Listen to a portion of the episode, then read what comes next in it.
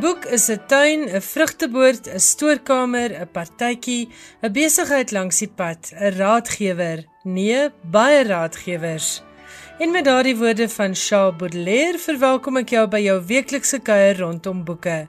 Ek is Elsje Salzwetel, jy luister na RSG en hierdie is skrywers en boeke.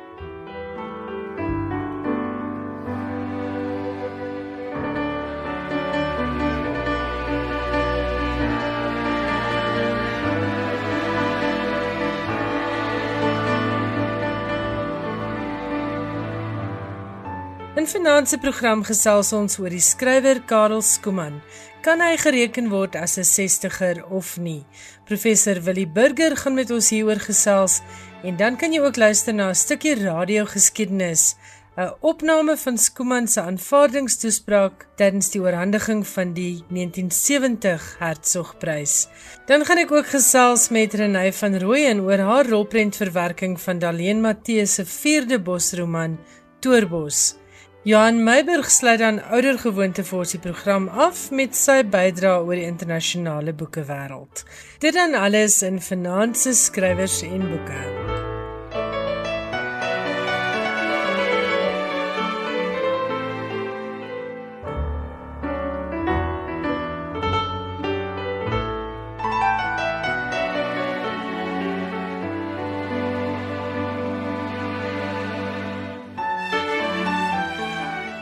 Ses dekades gelede het 'n groep skrywers die letterkundige wêreld soos Afrikaanse lesers dit geken het, heeltemal kom verander. Die 60ers, soos hierdie groep sedertdien bekend staan, word vandag steeds gehuldig vir hulle reuse bydrae tot Afrikaanse letterkunde. Maar is dit regverdig om net sekere skrywers by hierdie groepering in te sluit?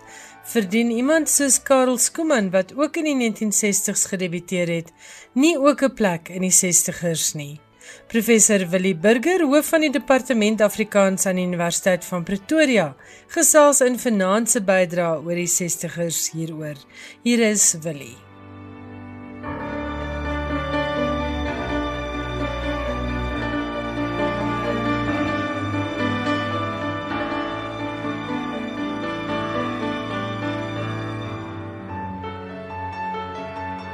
Te praat oor Karel Skuman in 'n reeks oor die 60ers mag dalk 'n bietjie vreemd klink want ons het nou in hierdie reeks oor die 60ers eintlik uh hoofsaaklik gepraat oor skrywers wat ons ken as die 60ers Andre Brink, uh Breiten Breitenberg, Chris Barnard. En en dit is dan almal ook skrywers wat gemoeid was met uh, 'n uh, klomp debatte wat in die 60er jare geheers het, die verset teen uh verenig in hulle verset teen sensuur op verskillende maniere.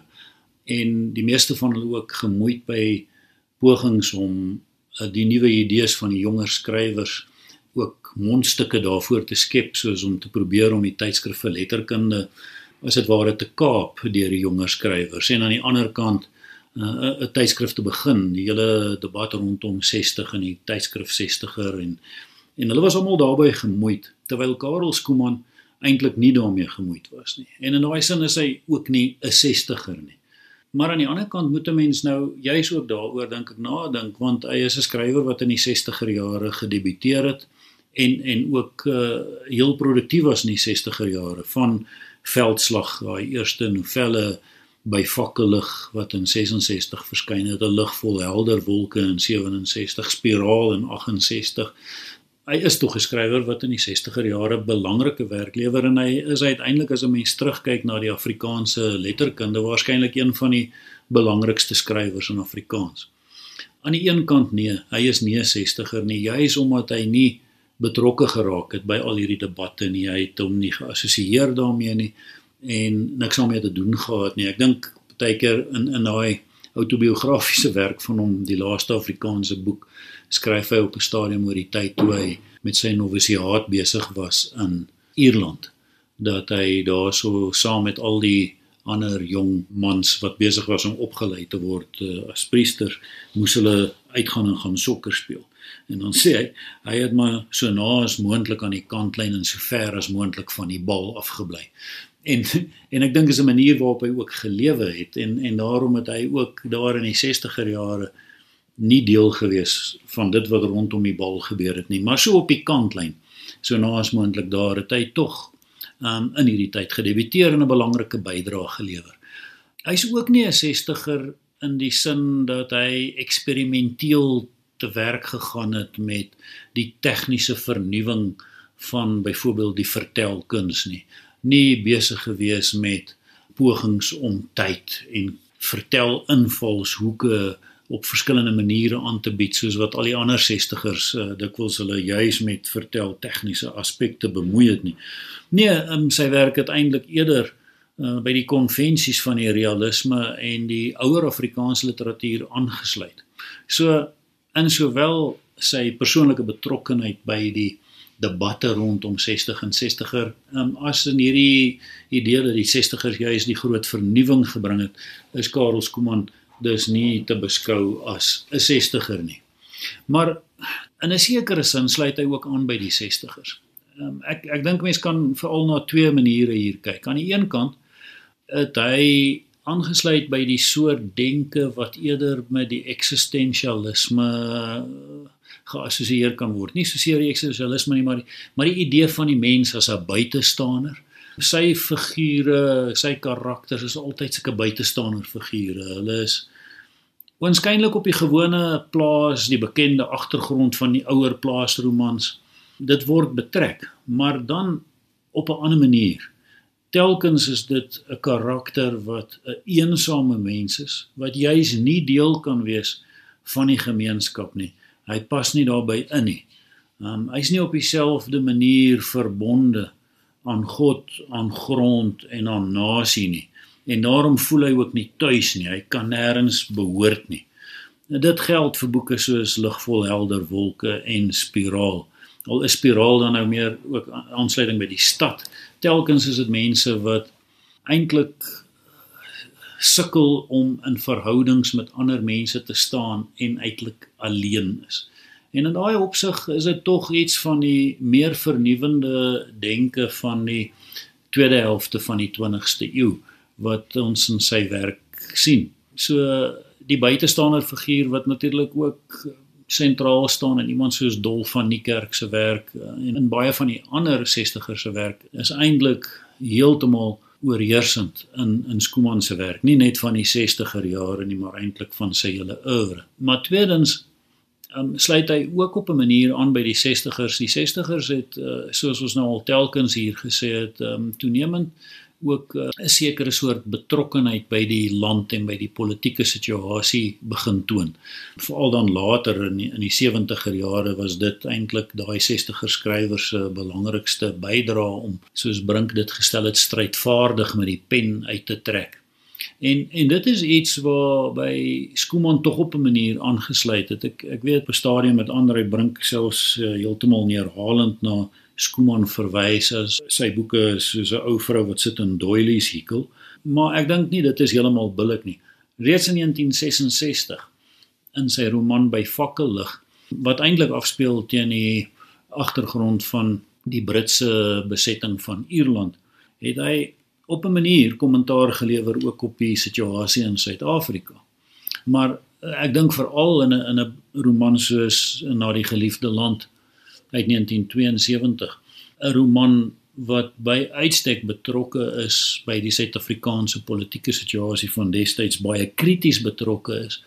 En die idee van Afrikaners wat kan in 'n oorheersende posisie wees in die land is in daai roman baie deeglik ondersoek en um, ek dink dit is tot vandag toe 'n belangrike roman. En mense kan homself nou nog lees as 'n roman wat kommentaar het ook vir ons eie tyd. Nou eintlik in sy oeuvre verder aan het ehm um, hy dikwels nog meer uh, betrokke geraak by die Suid-Afrikaanse situasie, maar maar ook by ander romans uit die 70er jare is daar op 'n manier hierby betrokke. Uiteindelik dink ek Skuman se belangrikste werk in die 1980s het toenemend meer betrokke geraak uh, by historiese werk werke wat hy geskryf het oor Bloemfontein, oor die Vrystaat, oor MT Steyn, oor Van Wyk Lou, oor Olaf Schreiner. Maar die belangrike roman uit die 80er jare was 'n ander land. 'n ander land is nie so seer 'n roman wat ook in die eerste plek betrokke is by die die politieke situasie nie, maar daar is 'n besinning oor die Europese mense of mense van Europese afkoms in Afrika, 'n kontinent waarop hulle eintlik sonder begrip van hulle omgewing en hulle wêreld leef. Maar uiteindelik staan weer eens sentraal eerder die buitestanderskap die besinning oor die dood en hoe mense die dood tegemoet kan gaan soos wat mense dit ook kry in afskeid en vertrek uit 1990 waarin die vraag uiteindelik herhaaldelik gevra word wat bly wat bly uiteindelik oor van 'n mens se bestaan op aarde en ek dink um, Skuman se grootste werk het hy eintlik in die 1990s gelewer. Nie alleen 'n groot klomp historiese werk nie maar daai stemme drieluik verliesfontein hierdie lewe en die uur van die engel en en tussendeur ook nog verkenning. En in hierdie romans wat eh, vir my telkens van die mees aangrypende romans in Afrikaans is word die vraag gevra oor 'n mens se eensaamheid ons onvermoë om uit te reik na mekaar om met mekaar reg te kommunikeer. En ek dink waar hy miskien nie noodwendig uh, Skuman se werk daai tekens van die 60ers se tegniese vernuwing gedra het nie waar dit meer aangesluit het by die konvensies van die eh, ouer realistiese tradisie sien mens tog hier in die 90er jare aansluiting by die konvensies van die postmodernisme op 'n manier. Die idee van 'n sentrale stem wat ook nadink oor dit wat vertel word. In verliesfontein sien 'n mens dit ook in verkenning. En daarmee die ophef van grense tussen werklikheid en fiksie wat wat op 'n manier eksperimenteel ook uh, baie sterk neerslag vind.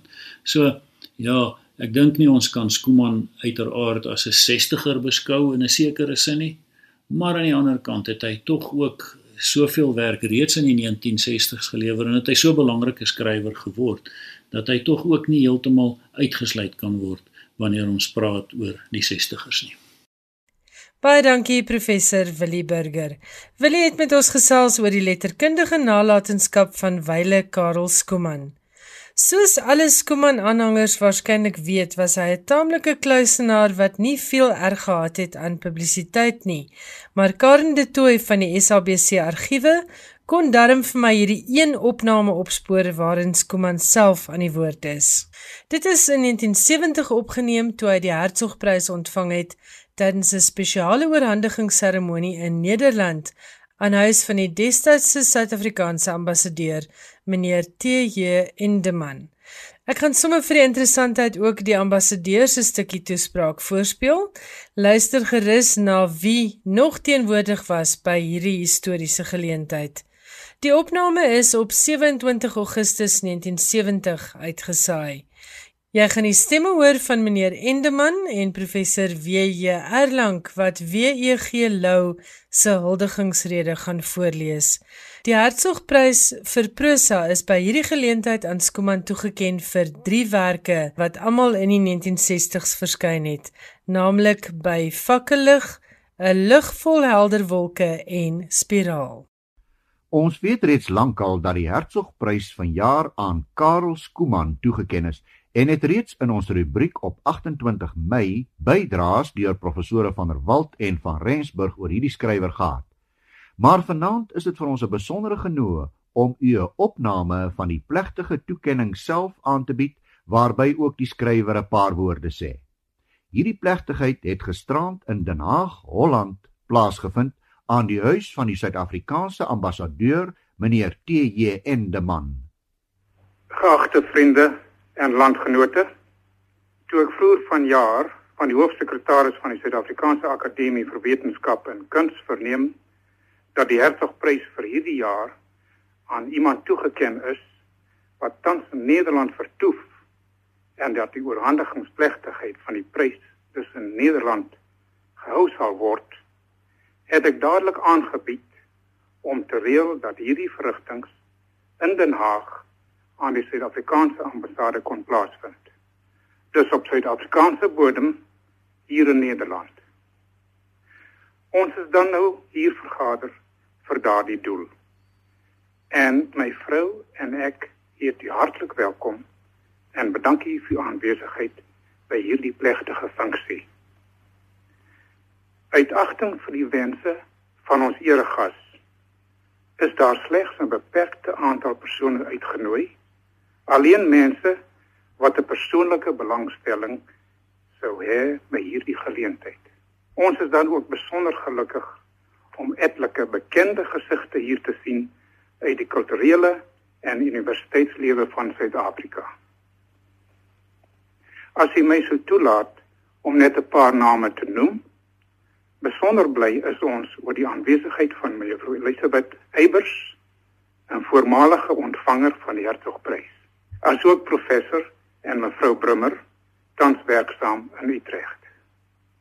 Voorts word die verteenwoordiger van die Nederlands-Suid-Afrikaanse Vereniging verwelkom, 'n vereniging wat hom al soveel jare beywer vir onder andere die uitbreiding van kulturele bande tussen Nederland en Suid-Afrika.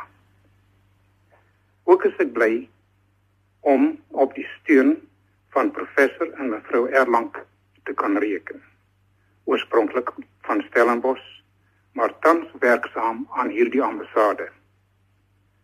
En dan natuurlik rig ek 'n besondere welkomswoord aan ons hoof en eregas meneer Karel Skuman.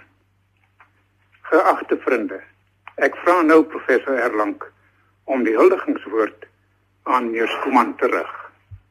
Ek lees vir u die huldigingswoord soos opgestel deur professor W.E.G. Lou van Stellenbosch en soos aanvaar deur die akademie vir die toekenning van die Hertzogprys aan ons eregas. Die proseskrywer kan op 'n groot verskeidenheid van gronde onderskei.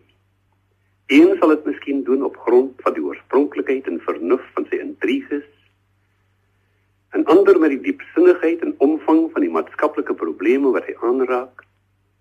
En derde met sy vermoë om lewende mense op te roep, hulle teenoor mekaar te plaas in verhoudinge net so ingewikkeld en onnaspeurbaar as die van die werklikheid self. En vierde met sy speelse skepping van 'n volkomme fantastiese wêreld. En vyfde met sy gebruik van die woord en so meer selde en dan eintlik slegs by enkele werklike goeies kry 'n mens twee of meer van die faktore in harmoniese samewerking met mekaar. Dit is besonderlik waar van die wêreld van ons eie tyd waarin menslike en maatskaplike verhoudings ingewikkelder as ooit skyn te wees. En dit soms byna onmoontlik lyk om die wêreld deur middel van iets anders as die proefneming en al sy problematiek te probeer benader. Des te merkwaardiger is die prestasie van 'n Afrikaans van 'n skrywer soos Karel Skuman. Van die negetal boeke wat hy tot dusver gepubliseer het, is veral 4 by die toekenning van die Hertogprys vir prosa in 1970 in aanmerking geneem. Sy eerste boek Veldslag 1964, 'n tweetal verhale, was reeds 'n verrassende knap debuut. Die roman Fakkellig 1966 het die belofte daarvan ruimskoots bevestig. Die roman speel om teen die einde van die 18de eeu in Ierland af en stel twee wêrelde teenoor mekaar. Aan die een kant die van die Engelse grootgrondbesitters, aan die ander die van die onderdrukte Ierse boerebevolking. Die wyse waarop Skuman die vreemde wêrelde in konflik met mekaar toon, en wel deur middel van twee uiteenlopende persone uit die twee kampe, maar ook die subtiele bowetone wat die stryd vir die Suid-Afrikaanse situasie van die verlede en hede het, onderskei dit as 'n buitengewone roman.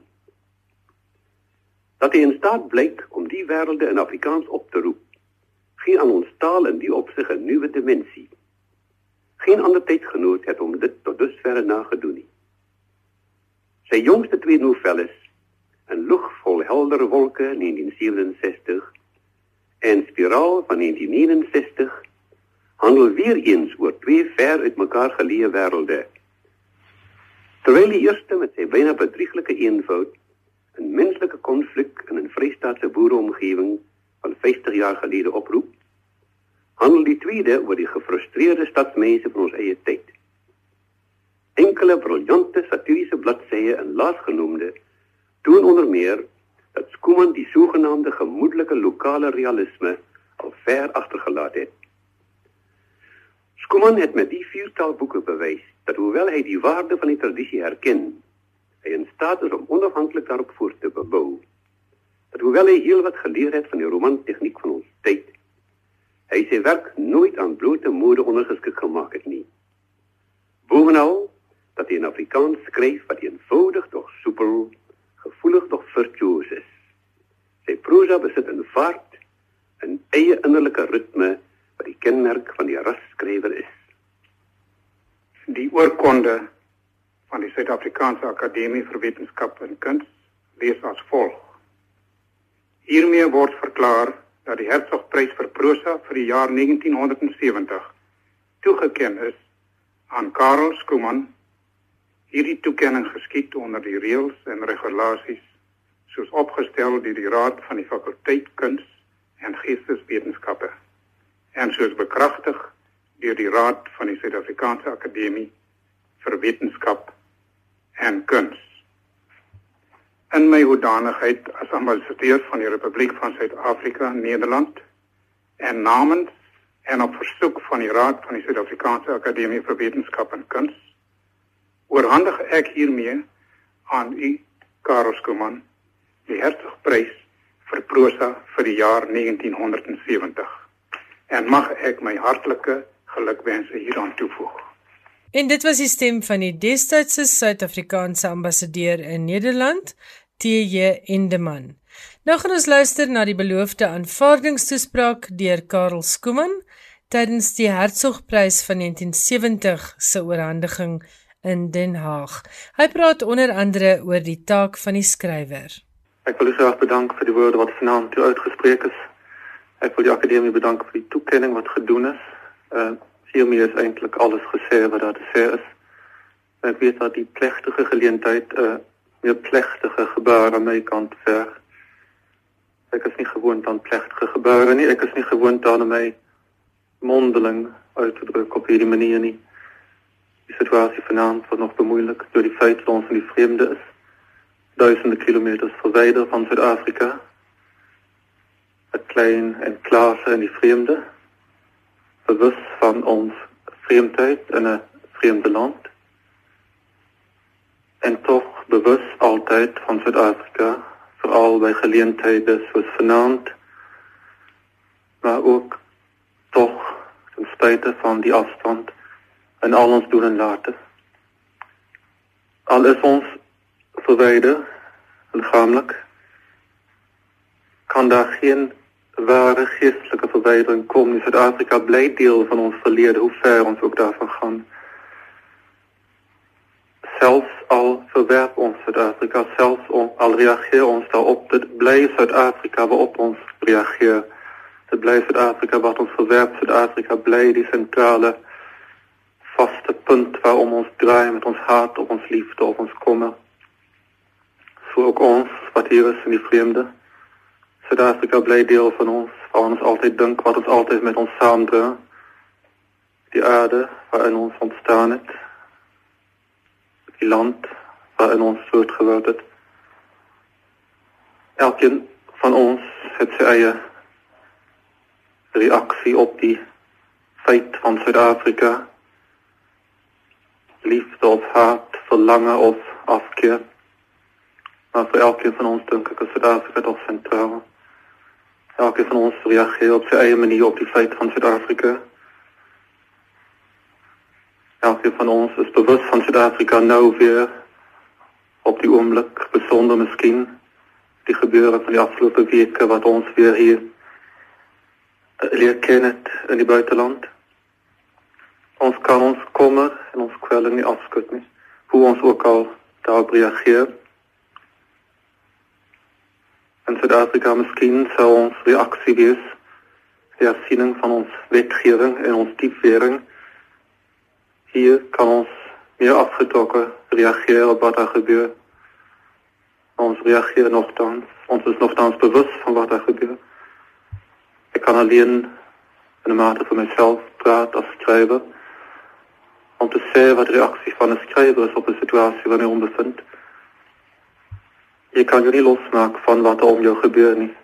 Jy kan nie skryf vir die tyd wanneer jy leef nie, dan is die tyd gebonde wat jy voortbring sal nie bly voortbestaan nie, maar tog ontstaan dit uit die tyd waarin jy lewe. Alles wat jy skryf is gebonde aan die tyd. Alles wat jy skryf as jy Suid-Afrikaans is, sal gebonde wees aan Suid-Afrika.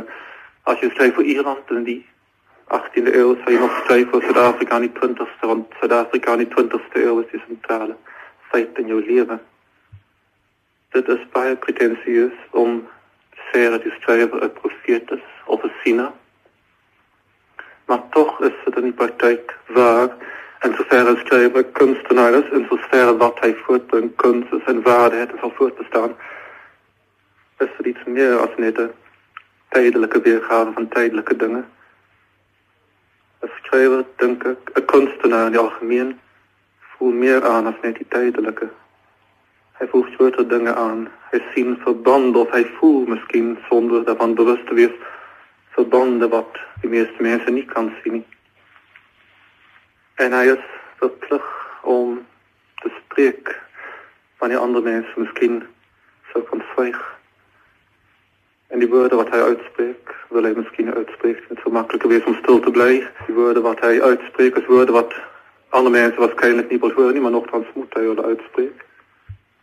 Dit is eintlik eenvoudig as jy wil vertel verhale niks meer nie, maar in die vertel van die verhale is daar meer opgesluit.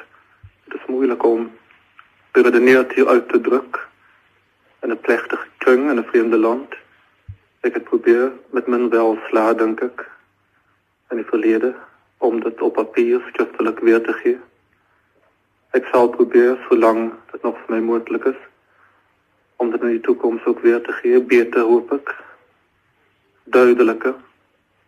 Of iemand dit wil hoor, of dit ander mense bevredig of nie. Want dit is nie die belangrikste nie. Die belangrikste is wat jy doen, wat jy voel wat jy moet doen. So eenvoudig en so eerlik soos wat jy kan. Wat die eensaamheid en die verskrikking ook al mag wees. Wat de afkeer je woord ook al mag oproep. Wat de tegenstand ook al mag oproep. Ik is blij dat ik in het verleden schijnbaar in de mate geslaagd heb, zoals die toekenning van die prijs uh, aanduidt, denk ik. Ik hoop dat ik in de toekomst nog beter zal doen. Voor Zuid-Afrika, als die woorden niet te chauvinistisch klinkt. Zoals ik Zuid-Afrika zien. Ik dank u. En daardie rare stukkie radio is vir ons opgediep uit die argiewe deur Karen de Tooy. Dit was die stem van Karel Skooman en hy het gesels tydens die oorhandiging van die Hertzogprys in 1970. Die Hertzogprys is daarna nog 2 maal aan Skooman toegekend. In 1986 het hy dit gekry vir 'n ander land en in 1995 vir Hierdie lewe. Skooman is op 1 Mei 2017 oorlede. Jy luister na RSG. Ek is Elsje Salzwetel en hierdie is skrywers en boeke. Baie welkom en baie dankie dat jy saam met ons voor die radio kuier. Ons het die eerste helfte van vanaand se skrywers en boeke afgesluit met musiek uit die rolprent weergawe van Toerbos, die laaste van Daleen Matthee se 4 bosromans wat van dese week in rolprentteaters begin draai het. Dit vertel die verhaal van Carolina Kap, 'n jong vrou van die Nysna bos. Sy is 'n alleenkind wie se onsimpatieke ma al 3 mans gehad het.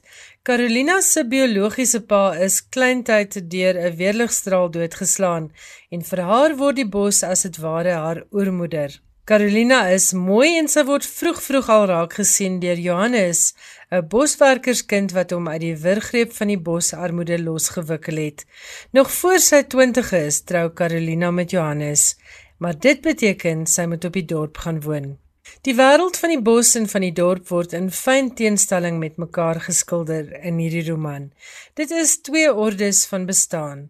In die bos is daar 'n mistieke ervaring moontlik, die soort vervoering wat Carolina soek, terwyl die lewe op die dorp aan 'n selfgerigte geldsoeke gewy word.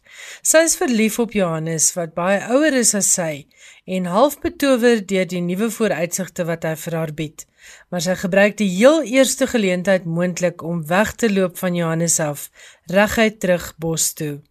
Want die dag na haar huwelik weet sy dat daar iewers iewers iets verskriklik verkeerd is. Die verhaal in Toerbos speel af in die 1930s en hier is Renée van Rooyen, die regisseur en draaiboekskrywer van die rolprent weergawe van Toerbos. Renay Goeienaand en baie welkom by Skrywers en Boeke. Hoekom Toerbos? Ek weet regisseurs kies verhale wat hulle aan die hart raak om te vervilm, maar wat was dit spesifiek van Toerbos wat jou aangegryp het? Ek het die boek gelees in 2012 Um die eerste keer ek het net voor dit het ek deelgeneem aan die Silverskermfees kortfilm kompetisie, um waar 'n projek van my baie goed gedoen het en ek wou graag 'n projek kies om 'n eerste vollengte film te maak en ek het net daarna die naweek die boek gelees en ek sal nooit vergeet die oomblik toe ek die boek vir die laaste bladsy uitkom nie. Ek was pas getrou daai jaar gewees en ek het net gevoel dit was so 'n autentieke ontdekkingstog van 'n meisie in haar 20's maar ook baie uniek en eerlike vertelling van 'n huwelik en die verhouding tussen twee mense en hulle dikwels soos die voetbaai in die bos uitmekaar gaan of mekaar nie verstaan nie maar mekaar weer vind soos hulle self ontdek. So ek het geen gedink dit is 'n baie eerlike vertelling en dit vir my baie diep waarheid oor oor jong meisies vasgevang en ek dink dit is seker my uniek um, die eerste aanslag wat ek op het gehad het. Meer is dit het ek uh, nog altyd van stories en sekere temas gehou en tematiese toerbos het my gespreek. Ek het gedink dat die die hoe Carolina se storie inwerk in die groter temas van die boek maak vir 'n baie goeie rolprent wat mens vir gehore wat daarvan hou ook om om stories verder uiteen te set wat dit baie interessant sal vind. Ehm um, persoonlik vir my hou ek van tipe films wat ek uh, vir jare nog kan ontleed en dit daar verskillende vlakke is wat jy kan kyk. In essensie is Toorbosse baie eenvoudige liefdesverhaal, liefdesdriehoek tussen die bos Johannes en Carolina, maar dit spreek tot Carolina se ontworteling, die bosmense vir sy ontworteling van die 1930s en dan ook die metafoor wat die bos in die plante um, ingebring het, die ontworteling van die inheemse bos en die begin van die plantasieprojekte. Ek het net gedink die visual metafore en hoe dit van toepassing is op die karakter se storie is is baie uniek. Ek het 'n groot liefde vir magiese realisme. Toerbos het ek gevoel gaan fenominale agtergrond kan skep om dit op 'n groot doek veral te plaas. Ek eh, het 'n groot liefde vir big screen cinema en die tipe cinema wat jy kan gaan kyk en weggevoer word na 'n ander tyd en plek wat jy ken en in in die manier hoe mense dit vervilm om iets te skep wat vir die gehoor iets anders te gee as wat jy byvoorbeeld op die TV kan kyk of op ander mediums kan kyk. So 'n groot deel van dit kom ook van die feit dat ek geweet het dat 1930s baie 'n periode, dit is 'n baie interessante periode in Afrikaner geskiedenis.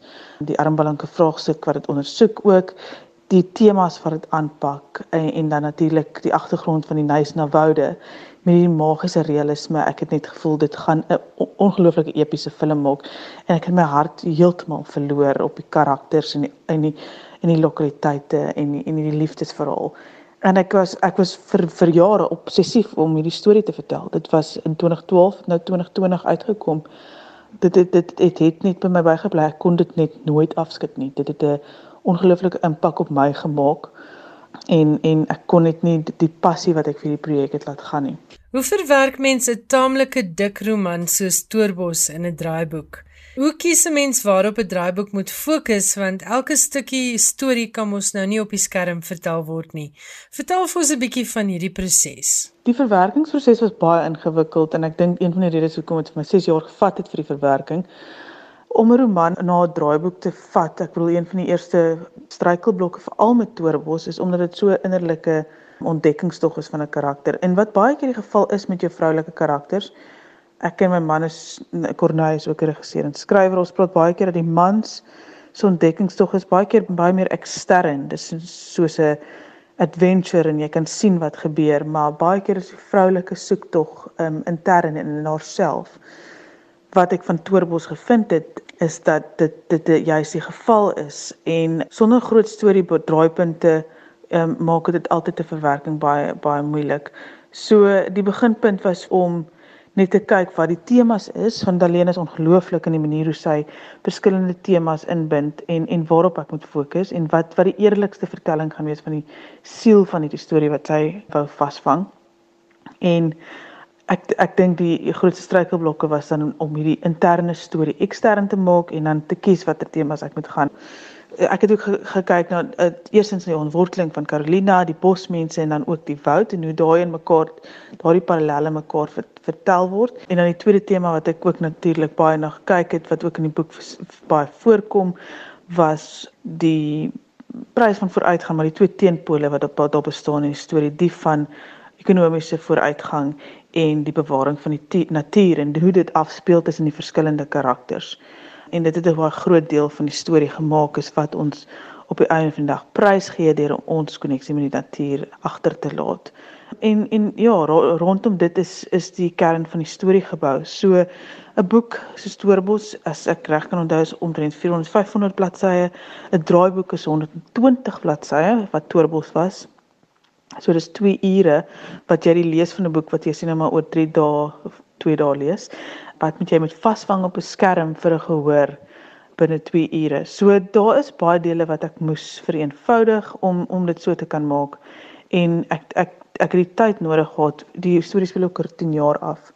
En ek het die tyd nodig gehad om ook saam met die storie groot te word, maar ook om terug te kan kyk na hoe ek die storie in 'n draaiboek verwerk het en die keuse wat ek gemaak het. So elke jaar as ek teruggekyk het, ek agtergekom meer en meer wat ek moet laat gaan en waarmee ek kan hou die, die belangrikste ding ook van Toerbos was wat my vasgevang het was natuurlik net haar ontdekkingstog nie maar haar liefdesverhaal. En ek wou graag die liefdesverhaal tussen haar en Johannes versterk het. So dis baie sterker in die film gemaak en hy het 'n groter rol wat hy in die film speel. Sodat daardie liefdesdriehoek tussen die bos en Johannes 'n gelyke tyd het op die skerm waar in die boek het die bos meer tyd wat dit aangegee word. Wat wat maklik is as jy lees van jy's in haar gedagtegang vasgenaal. So dis baie makliker, maar vir filmweergawe moes ek sy karakter sterker maak en dis een groot ding wat ek gedoen het. Ja, so toe verwerking het in 2012 begin en ek is um, met 2017 daar rond klaar met dit, maar ons het dit nog baie gewerk het ons dit verfilm het. So dit was 'n baie lang proses gewees om dit daar uit te kry. Ons luisteraars gaan sekerlik ook belangstel in die tegniese aspekte van draaiboek skryf. Hoe verskil dit van boekskryf? Ek dink een van die grootste verskille wat in 'n draaiboek voorkom in byvoorbeeld 'n roman en net in die skryftaal wat jy mag gebruik is in in 'n boek kan jy dikwels of jy skryf baie keer wat die gedagtegang van die karakter is. So kry jy baie diep insig oor wat presies hulle dink, hulle gevoelens is. Maar in 'n draaiboek mag jy alleenlik skryf wat die aksie is wat uitgevoer word, maar ook eh, jy moet baie baie nou beskryf en klein beskryf hoe die lokaliteit lyk like, en dit baie eenvoudig hou. Ehm um, jy mag byvoorbeeld ook nie vir 'n akteur voorskryf die gevoelens wat hulle het nie. So byvoorbeeld in 'n boek kan jy skryf hoe Carolina voel oor Johannes, wat sy van hom dink, ehm um, wat presies in haar gedagtes aangaan. Maar in 'n draaiboek kan jy net skryf Carolina kyk na Johannes. Carolina vat aan sy hand. So ons noem dit aksie skryf. Jy kan net daai aksie uitskryf. Jy mag glad nie byvoorbeeld ook skryf sy kyk net met deernis na hom nie of met liefde. Nou, jy kan nie daai beskrywings doen nie omdat dit vir die akteur sal voorskryf wat hulle moet dink en die akteurs moet self daardie besluite neem. Ehm um, dieselfde met die lokaliteite, jy hou die beskrywings maar klein. Dis 'n houthuis, die deur staan oop na die veld toe, maar jy kan nie te veel in detail gaan te te beskrywend raak nie. Party skrywers doen dit, maar die essensie van dit is dat dit kort en kragtig moet gehou word.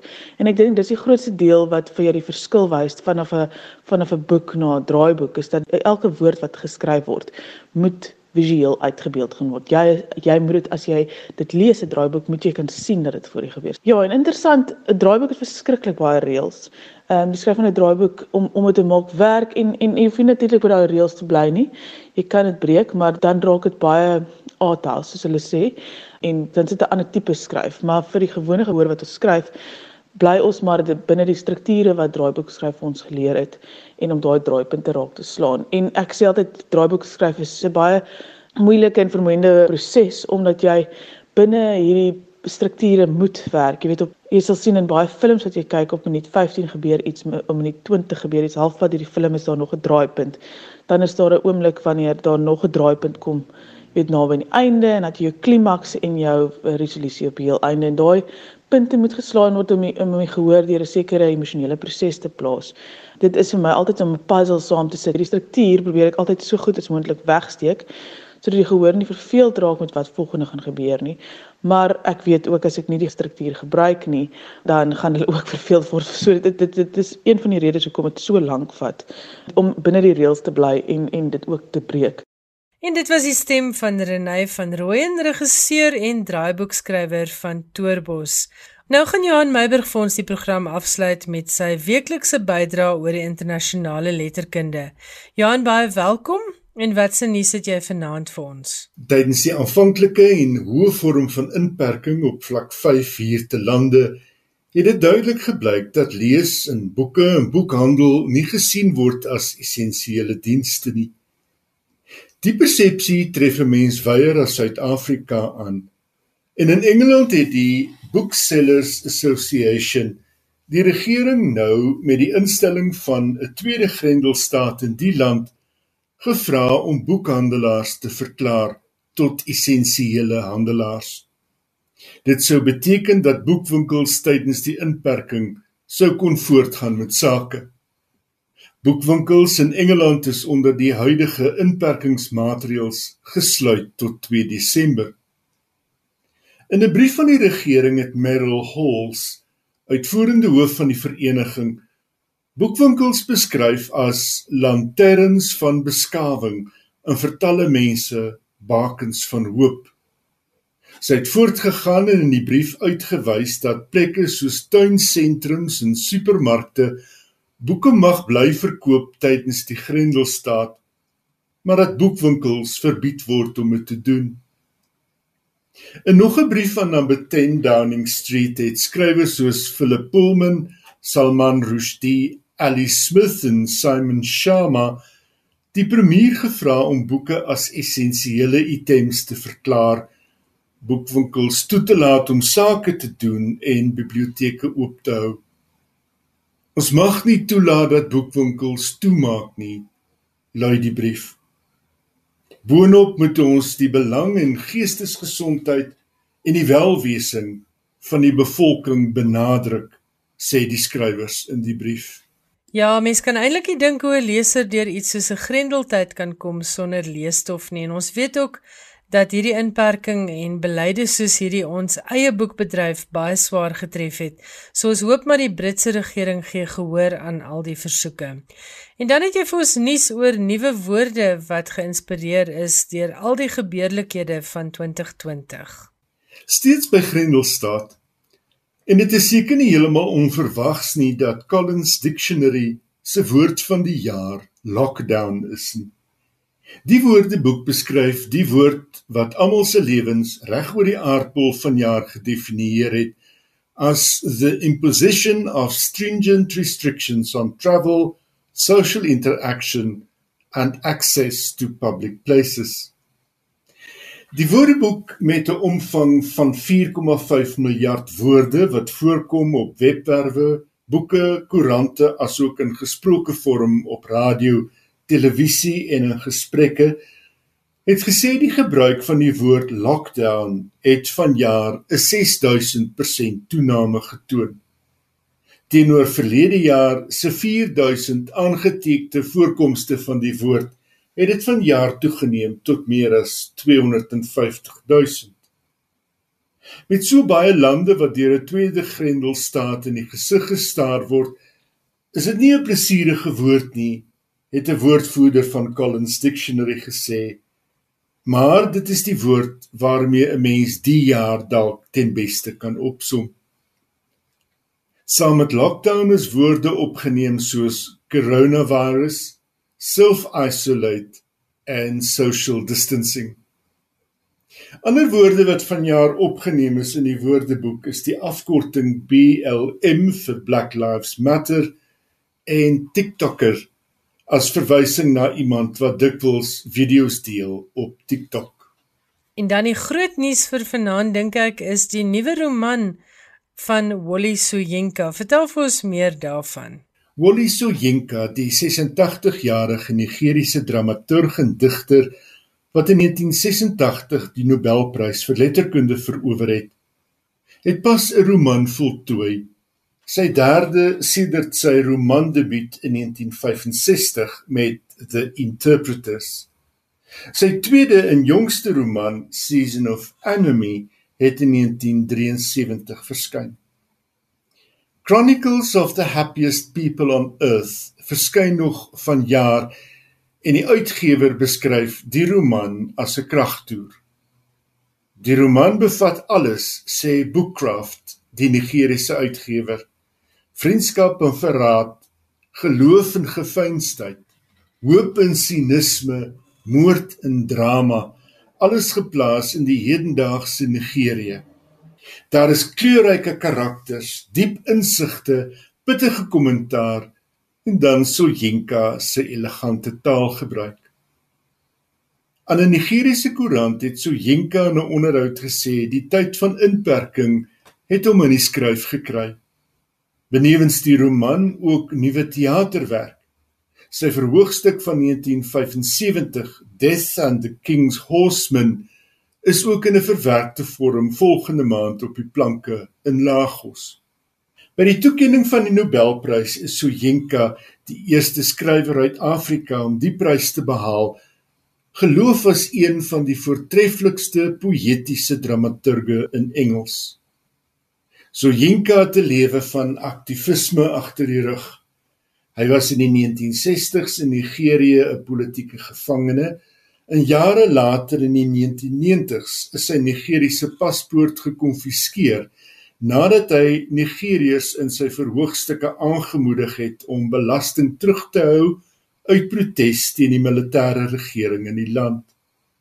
So Yinka die land wederregtelik verlaat en 'n heenkome gevind in die FSA. Sani Abacha, die Nigeriese militêre leier, het in sy afwesigheid Soyinka die doodstraf opgelê vir hoogverraad. Soyinka het sy Amerikaanse groen kaart met die hulp van voormalige president Jimmy Carter gekry toe hy in die 1990s op politieke sabbatsverlof verbonde was aan die Emory Universiteit.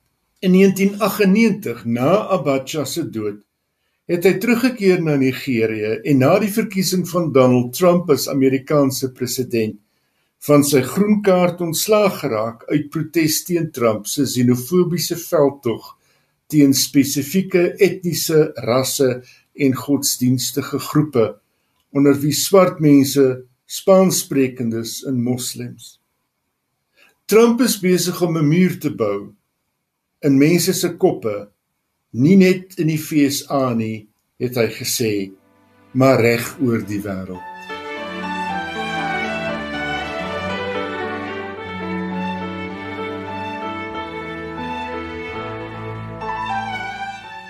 Dit was die stem van Johan Meiburg met nog 'n interessante internasionale boek insetsel. Baie dankie Johan Meiburg. Dis dan al vir vanaand, maar volgende Woensdag aand is ek en Johan weer terug met nog 'n uitsending van skrywers en boeke. Onthou ook alle skrywers en boeke opnames is op Potgooi beskikbaar en is ideale luisterstof vir jou boekklub of sommer vir die langpad wat voorlê een van die dae. Baie dankie dat jy vanaand saam met ons voor die radio gekuier het en ons wens vir jou 'n wonderlike week toe met stapels goeie boeke. Totsiens.